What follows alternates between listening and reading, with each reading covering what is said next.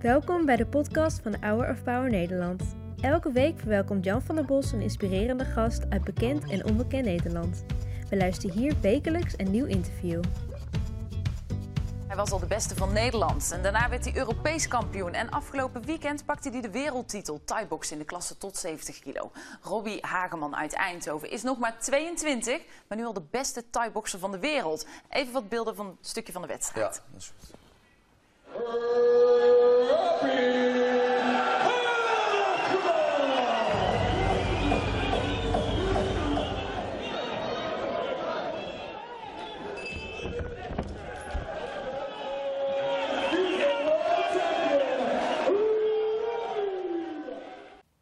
dat was een overwinning, eh Robbie. Op je 22e. De wereldkampioen. Dat lijkt me toch een droom die eh, iedere eh, bokser heeft. Ja, klopt. Ik was vanaf mijn 11e bezig en eh, vanaf mijn 15e denk ik train ik twee keer per dag. En eh, ja, het, werd in mijn ogen ook tijd. Ik was al meervoudig Europees en Nederlands kampioen. Ik ben sportman van het jaar geweest in mijn eigen dorp toen ik heel klein was. Dat heeft me altijd ook gemotiveerd door te zetten tot een keer sportman worden van mijn eigen stad. Ben ik uiteindelijk ook geworden in Eindhoven. Ja. Wat, wat heb jij met boksen? Ik kan me ook voorstellen dat heel veel mensen zeggen, nou ja, wat, eh, van thai-boksen is nogal een sport. Daar is, eh, heb je weinig bescherming. En dat gaat, eh, dat gaat er lekker van langs. Ja, nou, ik was voetballer en eh, ik was afgevallen bij de stage FC Eindhoven, betaald voetbalclub ook. En mijn vader was eh, mijn trainer. Moest toch iets anders gaan kiezen. En, of in ieder geval, ik wilde wel in mijn sport wat bereiken. En toen wilde ik eigenlijk karate doen, was ik de jongste. En ben ik uiteindelijk doorgeschopt naar het kickboksen. Ja. Nou, Maar ik wat ook- is kickboksen nou precies? Ja, kickboksen, eh vechtsport, zelfverdedigingssport. ja, toch wel wat hard. En eh, ja, het is eigenlijk gewoon vechten, alleen dan met regels, met handschoenen aan. Ja. Als jeugd zijn er nog uh, schemerschermers aan. Een tok, een beetje. En, eh, Maar jij lijkt me zo'n sympathieke man. ja, ben ik eigenlijk ook wel. Oh ja? Ik ben, ja, ik, ja, ik ben wel vriendelijk altijd. En op straat ben ik eigenlijk helemaal geen vechter. Nee. Dan gaan we een paar jaar verder in jouw leven. Eh, je bent, eh, ik zei het al, je bent een vriendelijke vent. Je had een auto. En voortdurend waren de vriendjes eh, en vrienden die willen allemaal, hadden allemaal van jouw auto gebruik maken. Toen zei je, joh, neem me mee. Ja. Wat gebeurde er toen? Ja, ik leende mijn auto vaker uit, dus ik heb er niet bij stilgestaan. En, toen hebben de jongens die hem op dat moment leenden, die hebben een poging tot overval gedaan met een wapen. En ja, drie dagen later stond het arrestatieteam bij mij voor de deur. Met Of eigenlijk geweld. in de kamer, in de, in de slaapkamer. Je meent het. Ja, ik ben met best wel wat eh, ja, grof geweld zeg maar, van mijn bed gelicht. En eh, ja, geheel onterecht eh, ook. Is achteraf ook gebleken gelukkig. En ja, Dan was nou- wel verschieten. En vooral voor mijn vrouw. Ja, Ik kreeg dagelijks klappen, dus het viel voor mij wel mee. Ja. En, ja. dan kom je in de politiecel terecht. Je Ja. wordt overgebracht naar de isoleercel in Rotterdam. Isoleercel is helemaal niks. Maar er lag wel een boekje. Boekje, ja, dat klopt. Jezus is de weg, ben ik nooit vergeten. En dat vergeet ik ook nooit meer van in mijn leven Ja, maar, niet. maar je had niks met Jezus. Dus wat, wat, wat dacht je toen je dat boekje zag? Ja, ik ben Rooms-Katholiek gedoopt. Dat, ja, dat boekje heb ik de eerste dag ook gewoon laten liggen. Maar de tweede dag, ja, je verveelt je na eigenlijk 23,5 uur op cel. Verveel je zo erg. Ik denk, ga gewoon dat boekje lezen, was ook niet zo dik. ja. En eh, in dat boekje stond, eh, waar je ook bent, je moet eigenlijk bidden en je moet een Bijbel hebben. Ja, de, de derde dag volgens mij, de, de ochtend, eh, ja, kwamen ze langs voor, eh, ja, voor boeken. Dus ik vroeg, ja, ik vroeg De. Bijbel. Je hebt een wasbak, een eh, bed, ja, zo, hard als, zo hard als hier het tafelblad zeg maar, en een tafeltje. Dus ik leg de Bijbel op het tafeltje. En ik ben eigenlijk op mijn knieën gegaan en ja, mijn handen gevouwen. En ik zeg, God, als, als u dan bestaat, dan, dan laat me vrij. Dan ga ik elke zondag, dan ga ik elke zondag van de rest van mijn leven naar de kerk.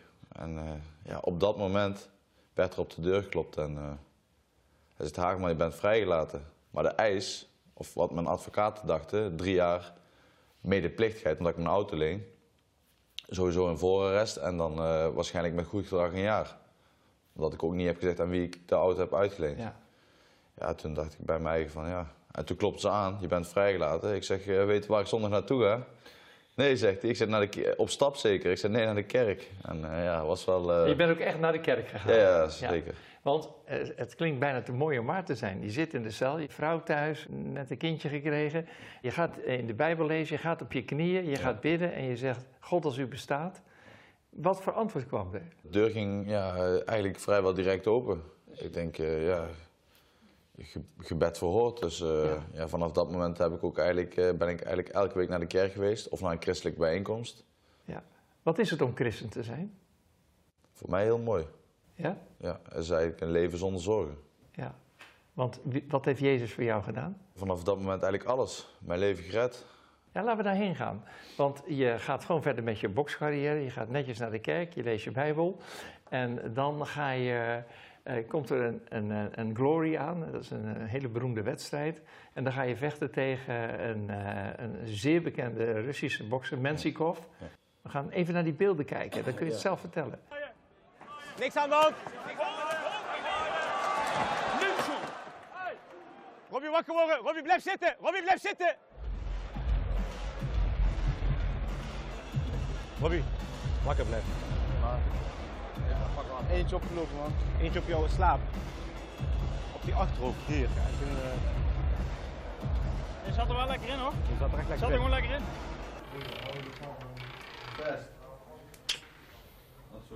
Normaal ga ik heel anders naar een wedstrijd toe. Deze keer was het toch anders. Ik zat met mijn hoofd en ja, niet helemaal lekker. Eh, de eerste keer in 2,5 jaar. Dimitri Menshikov. 7 kilo eigenlijk normaal boven mijn gewicht.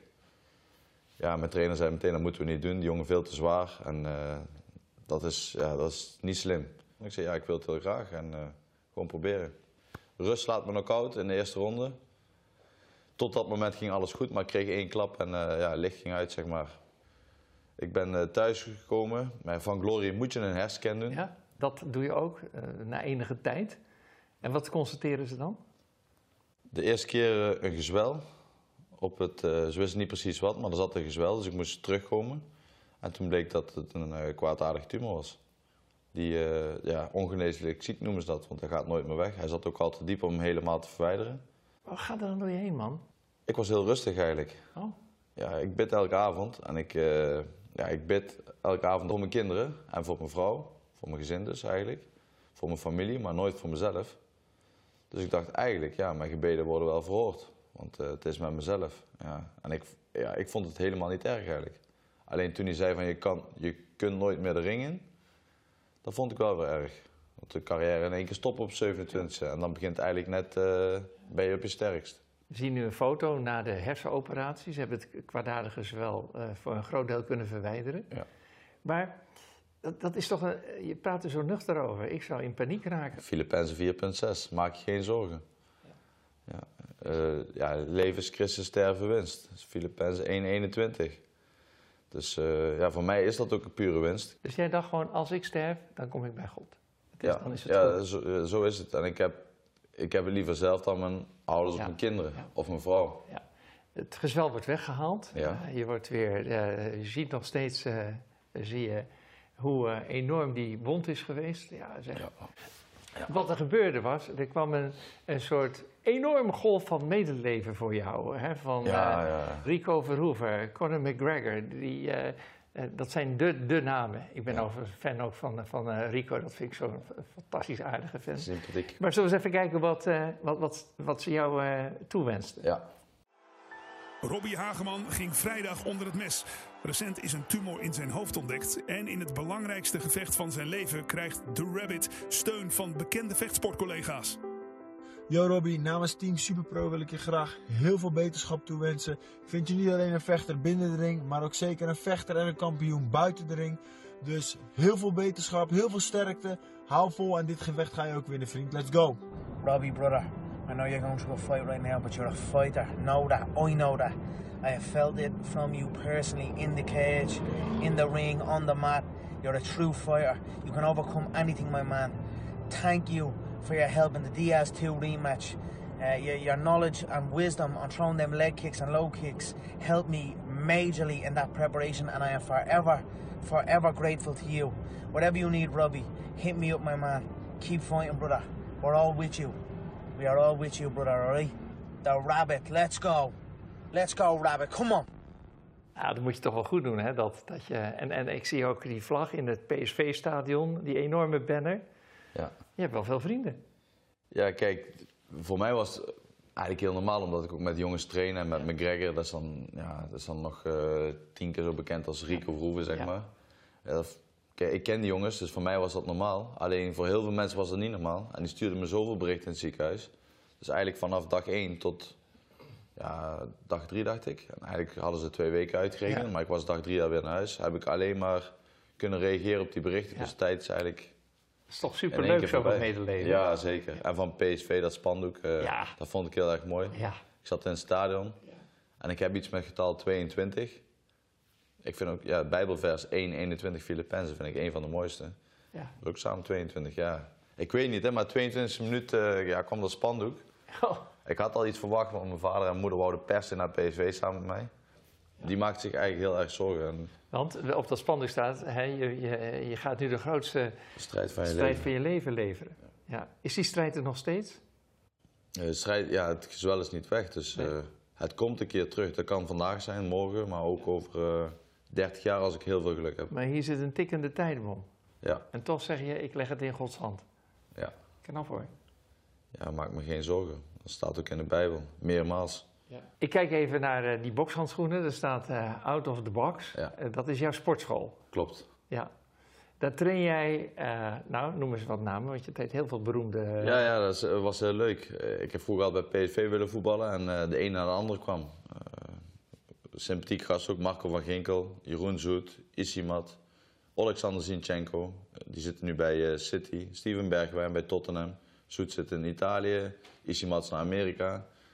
Dus iedereen die bij mij heeft getraind is uiteindelijk eh, verkocht. Ja. ja, dat is leuk. Ja. Maar jij traint in dat shirtje. eh, wat staat er ook precies achterop? Jesus is the name of the Lord.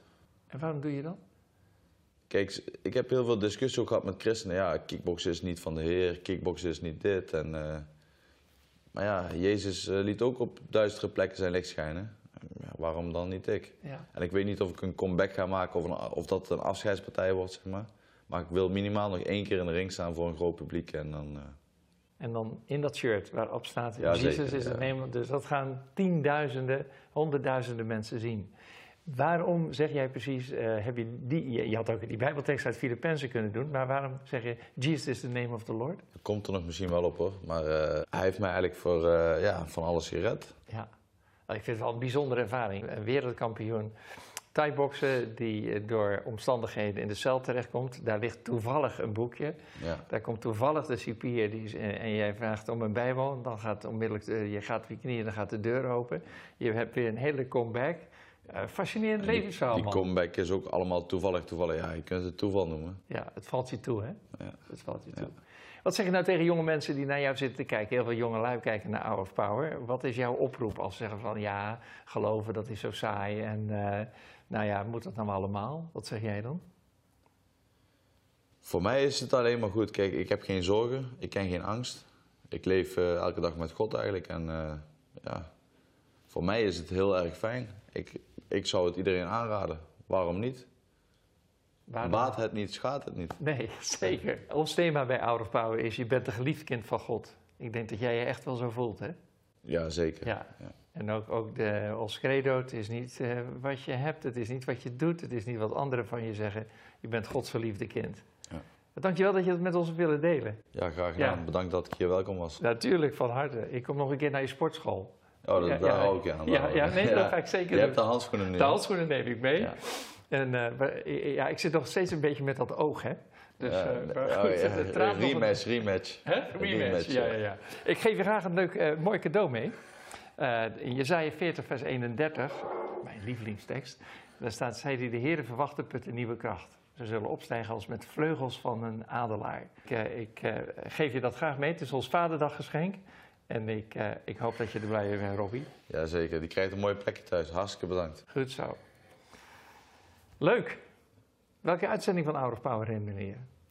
Welke uitzending? Die van Johan Toet. Oh ja, Ja, ik heb ook een aantal preken van hem teruggeluisterd. die Ja. grootste drugscrimineel. Ja, die groot, ja waar eh, prachtig hoe hij tot geloof is gekomen en hoe hij nu in het geloof staat, zeg maar. Ja, daar kan je nog veel van leren. Mooi. En wij hebben veel van jou geleerd. Dankjewel. En eh, mijn belofte staat, ik kom langs in Valkenswaard en dan mag je terugklappen. Maar ik doe wel mijn bril af. Bedankt voor het luisteren naar het interview van deze week. We hopen dat dit verhaal jou heeft bemoedigd. Wil je meer weten over Hour of Power of andere interviews bekijken? Ga dan naar www.hourofpower.nl